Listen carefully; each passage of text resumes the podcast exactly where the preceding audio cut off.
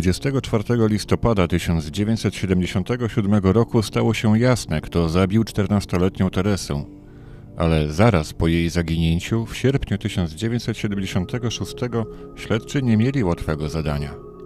Na początku wiedzieli tylko tyle, że musiała zaginąć na drodze prowadzącej z Siemiatycz do Słowiczyna, bo tam była widziana po raz ostatni.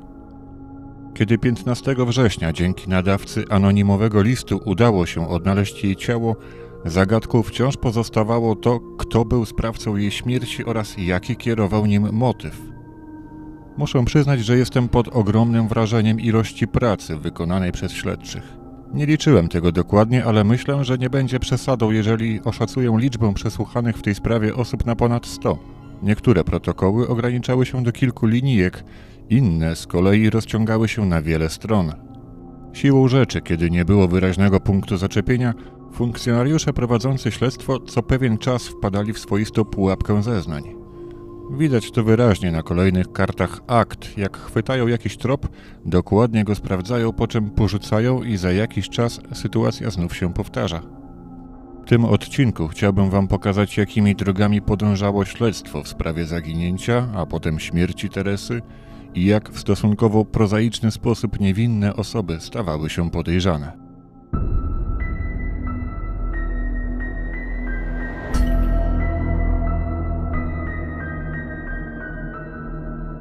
27 sierpnia, a więc dzień po zaginięciu Teresy, milicjanci przesłuchali panią Marię, która powiedziała, że mniej więcej dwa tygodnie wcześniej, kiedy wraz z koleżanką wracała do domu przez las znajdujący się przy drodze z Siemiatycz do Słowiczyna, nagle podszedł do nich nieznany młody mężczyzna.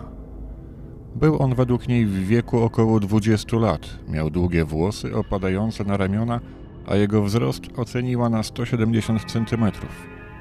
Mężczyzna ten miał do nich coś mówić i iść za nimi, ale ostatecznie zawrócił, zawołany przez trzech innych mężczyzn, którzy leżeli pomiędzy drzewami. Kobiety wystraszyły się, ale ostatecznie na tym się ta sytuacja skończyła. Jedynie napotkanemu później sąsiadowi powiedziały o zajściu, bo wiedziały, że tą samą drogą będzie wracała z pracy jego matka. Dużo bardziej dramatyczną historię opowiedziała pani Anna, którą śledczy przesłuchali 16 września 1977 roku. Powiedziała ona, że mniej więcej miesiąc przed zaginięciem Teresy przechodziła ścieżką prowadzącą obok miejsca, w którym później znaleziono jej ciało. Była to droga, którą na skróty chodziła do pracy, a którą pokonywali również jej sąsiedzi kiedy któregoś dnia lipca około godziny dziewiątej, gdy znajdowała się około 300 metrów od dołu, w którym zakopane było później ciało Teresy, nagle zauważyła nieznanego mężczyznę, który ją dogonił. Następnie nieznajomy zapytał ją grzecznie, czy wybrała się na grzyby, ale kobieta zaprzeczyła i powiedziała, że wraca do domu. Mężczyzna ten towarzyszył jej jeszcze przez około 100 metrów, po czym nagle złapał ją za głowę i zaczął ciągnąć w kierunku lasu. Pani Annie udało się uwolnić i zaczęła uciekać w kierunku znajdującego się przed nią pola, będącego już w obrębie wsi Słowiczyn, a kiedy tam dobiegła, odwróciła się, ale napastnika już nie było. Zapamiętała, że był niewysokiego wzrostu, w wieku około 30 lat i nie pochodził z tamtych okolic, ponieważ znała wszystkich mieszkańców pobliskich miejscowości. Można by sobie w tym miejscu zadać pytanie, czy ta kumulacja nietypowych wydarzeń w jednym miejscu w odstępie kilku tygodni nie jest podejrzana, ale wszystko wskazuje na to, że faktycznie mamy do czynienia z przypadkowymi sytuacjami. Myślę jednak, że w tamtym czasie śledczy mogli mieć co do tego wątpliwości i nie zdziwiłbym się, gdyby zakładali, że któreś z opisywanych zdarzeń miało związek z późniejszą śmiercią Teresy. W przypadku zabójstw jednym z niemal automatycznych założeń śledczych jest to, że ofiara znała swojego zabójcę. Nie inaczej było i w sprawie śmierci Teresy. 6 września przesłuchano pana Tadeusza, mężczyznę, który prowadził zespół muzyczny, do którego należała dziewczyna. Przypomnę, że do jej zaginięcia doszło właśnie niedługo po zakończonych zajęciach. Mężczyzna przyznał, że znał rodzinę nastolatki. Wspomniał również, że zdarzało mu się nieraz odwozić ją do domu, gdy próby się przeciągały lub zespół wracał z występów. Zastrzegł jednocześnie, że postępował tak również z innymi członkami grupy. W kolejnych zdaniach Tadeusz powiedział, że dwa lub trzy razy nocował w domu nastolatki, ale miało to być związane ze wspólnym spędzaniem czasu z jej starszymi siostrami oraz ich znajomymi. Przesłuchiwany zeznał, że 26 sierpnia zajęcia muzyczne trwały od 14.45 do 16.15. Zapytany o zachowanie dziewczyny w czasie zajęć powiedział: Podczas nauki gry Teresa była wesoła, nie zauważyłem, aby była zdenerwowana, aby coś się odręczyło. Z Teresą w tym czasie osobiście nie rozmawiałem, także Teresa nie podchodziła do mnie. Po wyjściu z muzykowania Teresy więcej nie widziałem. Kilka linijek niżej Tadeusz wypowiedział ciekawe słowa. Co się stało z Teresą trudno powiedzieć. Słyszałem z wypowiedzi innych ludzi, że mogła to być zemsta za to, że ojciec rzekomo był, mieszkał w Rzeszowskim, mogła być zemsta z czasów wojny. Inna wersja, że mogła wyjechać. Według mnie mógł być wypadek i została wywieziona przez kierowcę. 16 września przesłuchano panią Eugenię, która była kierownikiem działu kultury w Siemiatyckim Ośrodku Kultury. Kobieta przekazała, że 26 sierpnia widziała Teresę na próbie zespołu, a także widziała jak po zajęciach przechodziła obok kiosku ruch, po czym skręciła w ulicę Słowiczyńską. Dodała też jeden szczegół, a mianowicie, że faktycznie Tadeusz, kierownik zespołu muzycznego, czasami odwoził dzieci taksówką do domu, kiedy zajęcia kończyły się później i miał to robić na własny koszt. Myślę, że w jakiejś mierze ten ostatni fakt, o którym wspominał zresztą w trakcie przesłuchania pan Tadeusz, mógł wzbudzić zainteresowanie śledczych. Kolejnych wątpliwości dostarczył zresztą sam przesłuchiwany. Bardzo szczegółowo opisał ubranie, które w dniu zaginięcia Teresa miała na sobie. Jednocześnie nie pamiętał, czy w drodze z zajęć do domu kogokolwiek spotkał, a z Siemiatyckiego Ośrodka Kultury miał wyjść około godziny 17. Nie pamiętał też, co dokładnie robił po powrocie do domu. O 21.20 miał wyjść do mieszkającego w tej samej klatce schodowej kolegi, ale na pytanie, jaki program oglądali wtedy w telewizji, nie potrafił odpowiedzieć. Tadeusz dalej zeznał, że od znajomego wyszedł około godziny 22 i idąc do swojego mieszkania zauważył siedzącą na schodach Krystynę, siostrę Teresy. Dowiedział się wtedy od niej o zaginięciu nastolatki i natychmiast zaproponował pomoc w poszukiwaniach, które tego dnia trwały do godziny 24. Następnego dnia Tadeusz poinformował dyrektora szkoły, do której chodziła Teresa, o jej zaginięciu i wraz z nim pojechał do jej rodziców, aby sprawdzić, czy w międzyczasie wróciła. Mężczyzna kolejny raz wspomniał o tym, że dwa czy trzy razy nocował w domu zaginionej, a wiązało się to z tym, że kiedy wychodził wieczorem z domu na samotne spacery, zachodził czasem do jej sióstr, a ze względu na późną porę zostawał. 14 października przeszukane zostało mieszkanie Tadeusza. Śledczy zabezpieczyli jeden zeszyt stukartkowy w linię, który był przeznaczony do języka polskiego i należał do uczennicy o imieniu Klara. Tego samego dnia przesłuchano też Józefa, mężczyznę, do którego wieczorem w dniu zaginięcia Teresy miał przyjść Tadeusz. Do protokołu zeznał on tak. Wiem, że tego wieczoru był u mnie Tadeusz. Był około pół godziny czasu. W tym czasie w telewizji szedł dziennik. Mówiłem do niego, aby został, to obejrzymy film. Odpowiedział, że pójdzie do domu. Nie zauważyłem u niego żadnych zadrapań, podniecenia, zdenerwowania, zachowywał się normalnie. Śledczy bardzo intensywnie próbowali zebrać informacje dotyczące Tadeusza i dlatego przesłuchiwali kolejne osoby, które miały z nim kontakt. Na przykład 19 października przesłuchano nauczycielkę, która w dniu zaginięcia Teresy była obecna na próbie zespołów w Siemiatyckim Domu Kultury. Powiedziała ona, że po zajęciach młodzież poszła do domu, ale nie wie ona, czy z budynku wyszedł Tadeusz. Z kolei woźna pracująca we wspomnianym ośrodku zeznała, że Tadeusz wyszedł sam dopiero około godziny 20, ponieważ wcześniej grał tam na instrumentach. Tyle, że on sam powiedział milicjantom, że ze środka wyszedł około godziny 17.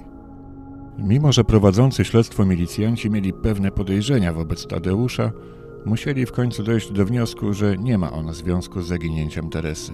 Jak nagle w aktach nastąpiła kumulacja dokumentów dotyczących jego osoby, tak samo nagle się ona urwała, a w to miejsce pojawiły się nowe wątki.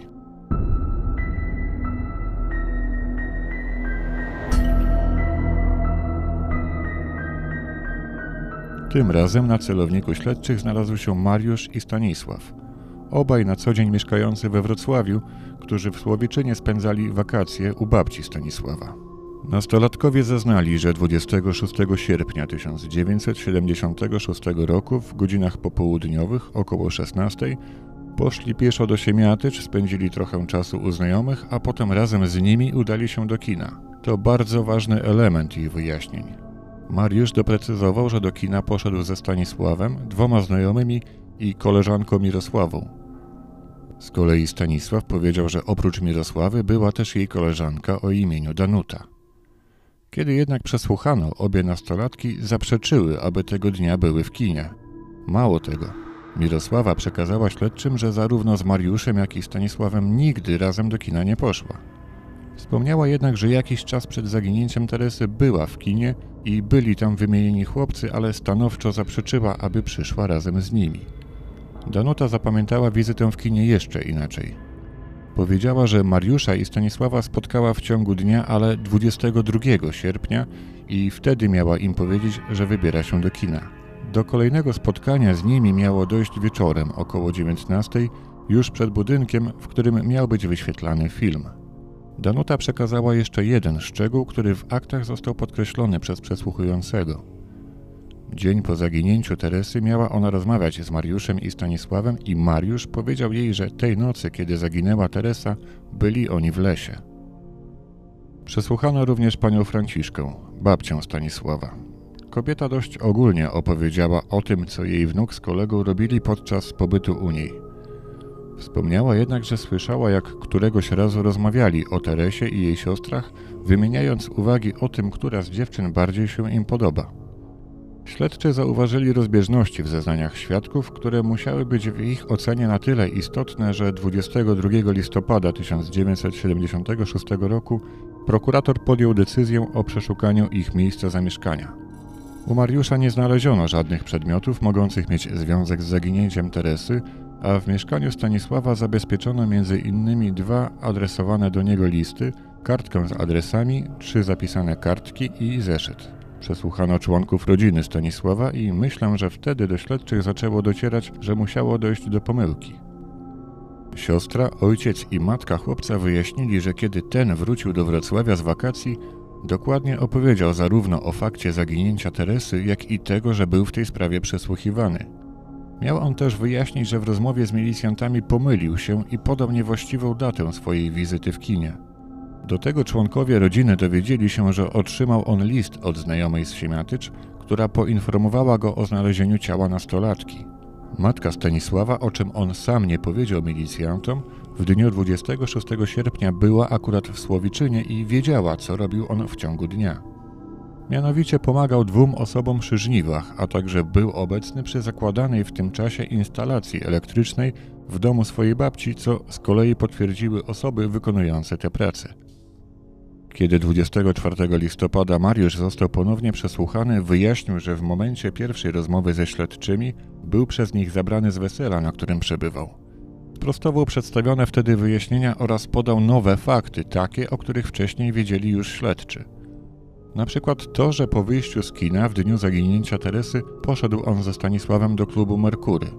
Mariusz wyjaśnił też nieporozumienie, które dotyczyło ich obecności w lesie w nocy 26 sierpnia. Mówiąc o tym koleżance, miał na myśli to, że w dniu zaginięcia był w lesie, przez co chciał on podkreślić swoją odwagę. Chłopak powiedział, że wydarzenia związane z pobytem w kinie miały miejsce, ale kilka dni wcześniej i faktycznie ich opis pasuje do zeznań złożonych przez jego koleżanki. Tych samych zeznań, które wcześniej stawiały go w świetle podejrzeń. Milicjanci przesłuchali też ponownie Stanisława, który podobnie jak Mariusz skorygował swoje wcześniejsze zeznania. Do wyjaśnienia pozostawała kwestia listu, który śledczy znaleźli u niego w czasie przeszukania, a w którym jakaś kobieta informowała go o znalezieniu zwłok Teresy oraz o tym, że składała wyjaśnienia na milicji. Sam Stanisław odniósł się do tego faktu bez emocji. Powiedział, że list ten dostał od znajomej z Siemiatycz, ale nie potrafił odpowiedzieć na pytanie, dlaczego informowała go o tym, że była przesłuchiwana. Śledczy dotarli do tej kobiety, którą okazała się młoda dziewczyna. Nie dość, że przy tej okazji potwierdziła, że w dniu zaginięcia Teresy spotkała Stanisława, czym umocniła jego opis zdarzeń, to jeszcze potwierdziła, że informowała go listownie o znalezieniu Teresy oraz o tym, że była przesłuchiwana. Tłumaczyła to tym, że nie chciała, aby myślał, że powiedziała coś przeciwko niemu. Ostatnie argumenty śledczych kierujące ich podejrzenia na Mariusza i Stanisława traciły w tym momencie rację bytu. Wciąż jeszcze przesłuchiwano kolejnych świadków, ale w zasadzie każdy z nich tylko potwierdzał zeznania obu chłopaków i dodawał kolejne szczegóły wskazujące na to, że nie mieli żadnego związku z zaginięciem Teresy. Pojawiały się jednak nowe tropy, których śledczy nie bagatelizowali.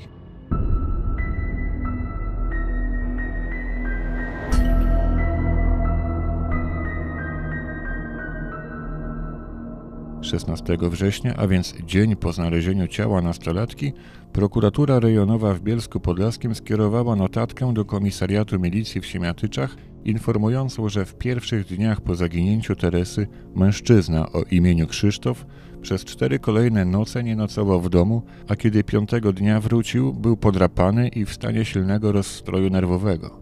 Ponadto miał on przechodzić wcześniej badania psychiatryczne, a także był kierowany na leczenie do szpitala psychiatrycznego w Choroszczy. Śledczy zajęli się sprawdzaniem tego wątku. Przesłuchano matkę Krzysztofa, która powiedziała, że jej syn do 31 sierpnia 1976 roku pracował jako kierowca w przedsiębiorstwie gospodarki komunalnej, ale nie wie ona, czy konkretnie 26 sierpnia był on w miejscu pracy i nie pamięta, czy po południu tego dnia był w domu. Kobieta zeznała, że 5 września Krzysztof wyjechał wraz z kolegami do Bielska Białej, skąd wrócił 7 września około godziny 19, ale działo się z nim coś złego i musiała wezwać karetkę pogotowia. Mężczyzna miał mówić, że słyszy głosy oraz że kierują nim jakieś siły. 9 września trafił na obserwację do szpitala psychiatrycznego w Choroszczy, ale po kilku dniach został z niego wypisany. Lekarze sugerowali, że do zaburzeń psychicznych doszło na skutek nadużywania alkoholu. 10 minut po przesłuchaniu matki śledczy przesłuchali też samego Krzysztofa. Mężczyzna powiedział, że od dziecka miał problemy z nauką i że powtarzał czwartą i szóstą klasę w szkole podstawowej. Zresztą na niej zakończył swoją edukację i od tego czasu nieregularnie wykonywał różne prace. Krzysztof potwierdził to, co powiedziała jego matka, że ostatnio pracował do 1 września, ale zwolnił się, ponieważ miał zamiar odbyć służbę wojskową w chówcu pracy przy zakładach FSO w Bielsku Białej. Opisał też swój wyjazd na południe kraju i to, że w drodze powrotnej, kiedy w Siedlcach oczekiwał na połączenie do Siemiatycz, nagle poczuł się dziwnie i nie wiedział, co się z nim dzieje. Trafił do szpitala, gdzie otrzymał zastrzyk i został wypuszczony. Miał wtedy wrażenie, że ktoś go śledzi. Wskoczył do wagonu pociągu towarowego, ale wtedy usłyszał głos, który mówił zabić go. Przestraszony wyskoczył z jadącego pociągu i wpadł w krzaki malin. Ostatecznie udało mu się dotrzeć do domu i wtedy jego matka wezwała lekarza. Trzeba przyznać, że wspomniane fakty mogły dać do myślenia śledczym. Tym bardziej, że nie pamiętał, co dokładnie robił 26 sierpnia i ograniczył się jedynie do udzielenia ogólnej informacji o tym, że w ostatnim tygodniu sierpnia pracował do godziny 15, a następnie naprawiał swój motor. Z kolei jednego dnia w godzinach pracy zajęty był naprawą motoru należącego do kolegi. Śledczym zależało jednak na uzyskaniu szczegółowych informacji na temat tego, co robił i kiedy. Zaczęli więc po kolei przesłuchiwać jego znajomych, ale wtedy pojawiły się kolejne wątpliwości. Otóż w zakładzie pracy, według dokumentacji, Krzysztof miał w dniu 26 sierpnia jeździć służbowym samochodem marki Żuk, ale okazało się, że faktycznie jeździła nim inna osoba. Dopiero cały szereg przesłuchań pozwolił stwierdzić, że akurat tego dnia Krzysztof po pierwsze pił alkohol, a po drugie w godzinach pracy zajęty był naprawianiem motoru kolegi i dlatego poprosił innego kierowcę o wykonanie za niego pracy, na co tamten się zgodził. Stąd też wynikała rozbieżność pomiędzy dokumentami a stanem faktycznym. 23 września milicjanci przesłuchiwali młodą dziewczynę, która wynajmowała pokój od matki Krzysztofa i z tego powodu stosunkowo często miała z nim kontakt. Nastolatka zeznała, że w dniu przesłuchania usłyszała rozmowę nieznanych sobie osób, w której jedna z nich powiedziała pozostałym, że syn W przyznał się do napisania anonimu. Przekazała to Krzysztofowi, ale on zbył sprawę śmiechem.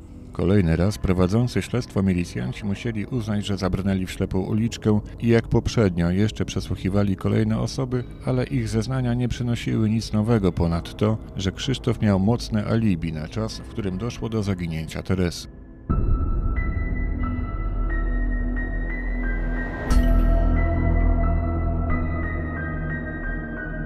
Na początku wspomniałem o zeznaniach pani Anny, która powiedziała śledczym, że mniej więcej w lipcu 1976 roku, kiedy szła samotnie przez las, dołączył do niej nieznany mężczyzna, który w pewnym momencie złapał ją za głowę i zaczął ciągnąć między drzewa. Kto wie, czy to nie ten sam mężczyzna zaatakował w podobny sposób panią Nadzieję. 25 września zeznała do protokołu, że w lipcu, kiedy szła przez las w pobliżu Słowiczyna, nagle zauważyła za sobą w odległości 100 metrów mężczyznę. Miał on śniadą cerę, ciemne włosy i niebieską koszulę z krótkim rękawem. Niedługo potem kobieta poczuła, że ktoś ją łapie z tyłu i zaczyna ciągnąć do lasu. Zaczęła krzyczeć i wyrywać się, ale napastnik był od niej silniejszy. Na szczęście działo się to w pobliżu drogi i w tamtym momencie akurat przyjeżdżał tamtędy motor. Dźwięk jego silnika musiał wypłoszyć mężczyznę, bo uciekł on, tym samym uwalniając panią nadzieję. Przesłuchiwana dodała, że napastnika nie znała, a tym samym można było założyć, że nie była to osoba mieszkająca w okolicy.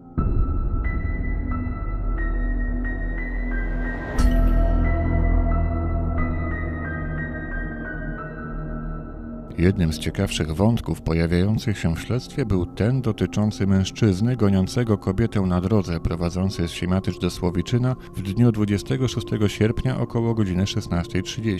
Jest to pora, kiedy najprawdopodobniej doszło do zabójstwa Teresy. Wspomnianą gonitwę widziało kilka osób, w tym matka Teresy. Zastanawiające jest jednak to, że nikt o tym wcześniej nie wspominał. Pierwsza wzmianka o tym zdarzeniu została odnotowana w protokole przesłuchania Krystyny, matki zaginionej nastolatki z dnia 29 września. Dlaczego nie powiedziała tego wcześniej? Przecież mowa o tak nietypowym wydarzeniu i to niemal dokładnie w tym czasie, kiedy rozgrywała się tragedia jej córki. Trudno mi uwierzyć w to, że matka Teresy wcześniej z jakiegoś powodu o tym zdarzeniu zapomniała lub uznała je za zbyt błahe. Trudno też podejrzewać ją o celowe ukrywanie faktów. Kobieta w taki sposób opisała to, co zobaczyła. Przed wyjściem z mieszkania przez okno zobaczyłam wspólnie z towarzyszącymi mi osobami, jak jakiś osobnik nieznany mi gonił kobietę, której w tym momencie nie poznałam. Po wyjściu z mieszkania pozostałam na ulicy z wózkiem, w którym leżało dziecko siostry Hanki, natomiast Elżbieta z Hanką pobiegły za mężczyzną i kobietą. W tym miejscu dodam, że mówimy o czasie niedługo po powrocie matki Teresy do domu z pracy w dniu 26 sierpnia, jak opowiadałem w odcinku opisującym zaginięcie dziewczyny, kobieta wróciła wtedy do domu ze swoim mężem, który po zjedzeniu obiadu poszedł do znajomego, aby pomóc mu w pracy. Ona zaś pozostała w domu ze swoimi córkami i ich znajomą Hanną, które niedługo później wyszły. W tym też czasie Teresa miała wrócić do domu z zajęć muzycznych.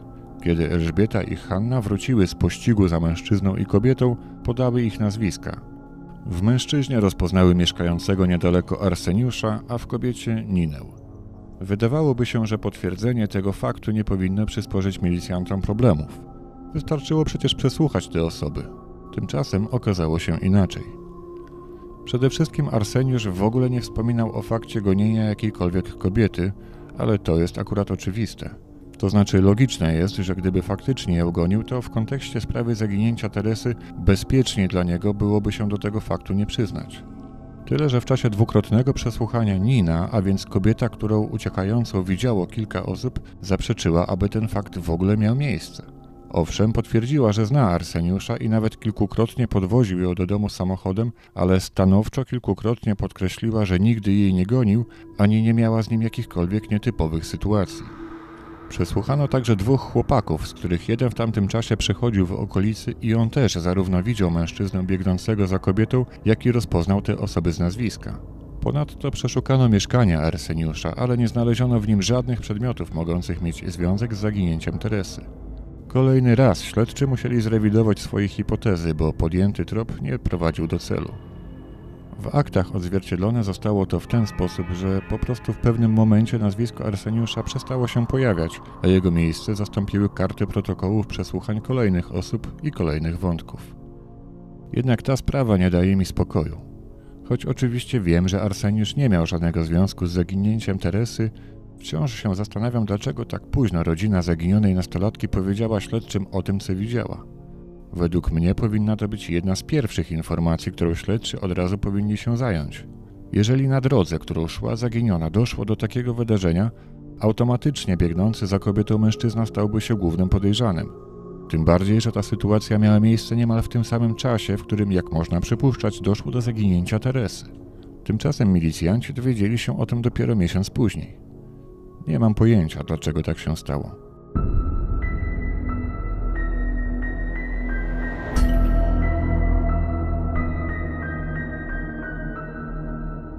29 września podczas przesłuchania mężczyzny o imieniu Leon pojawił się kolejny sygnał, który musiał pobudzić czujność śledczych. Przesłuchiwany wspominał, że kiedy 26 sierpnia po godzinie 18 szedł drogą niedaleko domu Teresy, zauważył idącego z naprzeciwka Jurka, mężczyznę, o którym powiedział, że słyszał, iż jest on chory psychicznie. Nie znał go osobiście, ale wiedział, że w wolnym czasie najchętniej czytał książki z różnych dziedzin. Jurek miał iść z opuszczoną głową, co akurat miało być typową dla niego postawą ciała. Milicjanci bez trudu ustalili, o kogo chodziło i nie tylko przesłuchali Jerzego, ale też przeszukali jego mieszkanie, w którym zabezpieczyli zniszczoną książeczką PKO oraz imitację banknotu 100-złotowego. W rozmowie ze śledczymi Jerzy potwierdził, że to jego ludzie uważają za chorego psychicznie, ponieważ kiedyś przebywał w szpitalu psychiatrycznym. Z tego też powodu nie miał bliskich znajomych i wszystkich traktował jednakowo, a wolny czas najczęściej spędzał czytając książki. Mężczyzna wyjaśnił, z czego wynikał jego pobyt w szpitalu. Przed 18 rokiem życia trafił do OHP w Pyrzycach, skąd jednak ostatecznie chciał uciec, ponieważ uczący się tam z nim młodzi ludzie dokuczali mu. Kiedy któregoś razu został przez nich napadnięty, chcąc oddać cios jednemu z napastników, ten uciekł do mieszkania. Wtedy Jerzy wszedł do tego mieszkania za nim z zamiarem opowiedzenia jego rodzicom o pobiciu. Tak się złożyło, że w mieszkaniu tym mieszkał prokurator i jeszcze tego samego dnia Jerzy trafił do aresztu, a jakiś czas później do szpitala psychiatrycznego na obserwację.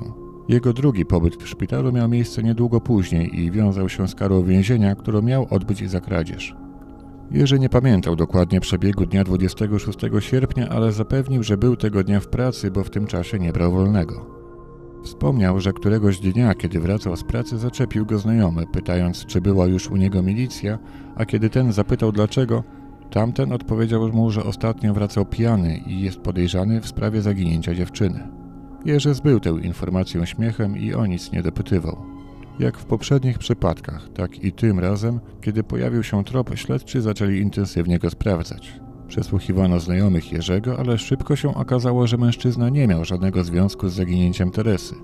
Sam Jerzy uzupełnił swoje zeznania i przekazał milicjantom, że między innymi w dniu 26 sierpnia w godzinach popołudniowych pracował przy boksach na węgiel, a kilku jego znajomych potwierdziło ten fakt, zeznając do protokołu. Kolejny trop okazał się prowadzić donikąd.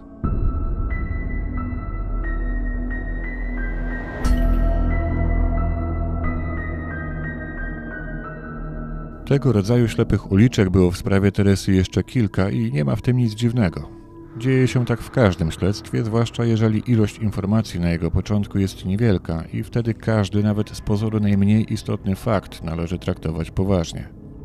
Pamiętajmy też, że w tym konkretnie przypadku mówimy o drugiej połowie lat 70., kiedy możliwości śledczych były dużo uboższe do tego dziś mamy chociażby dużo większy ruch samochodowy, a w autach często znajdują się kamery, co utrudnia pozostanie niezauważonym.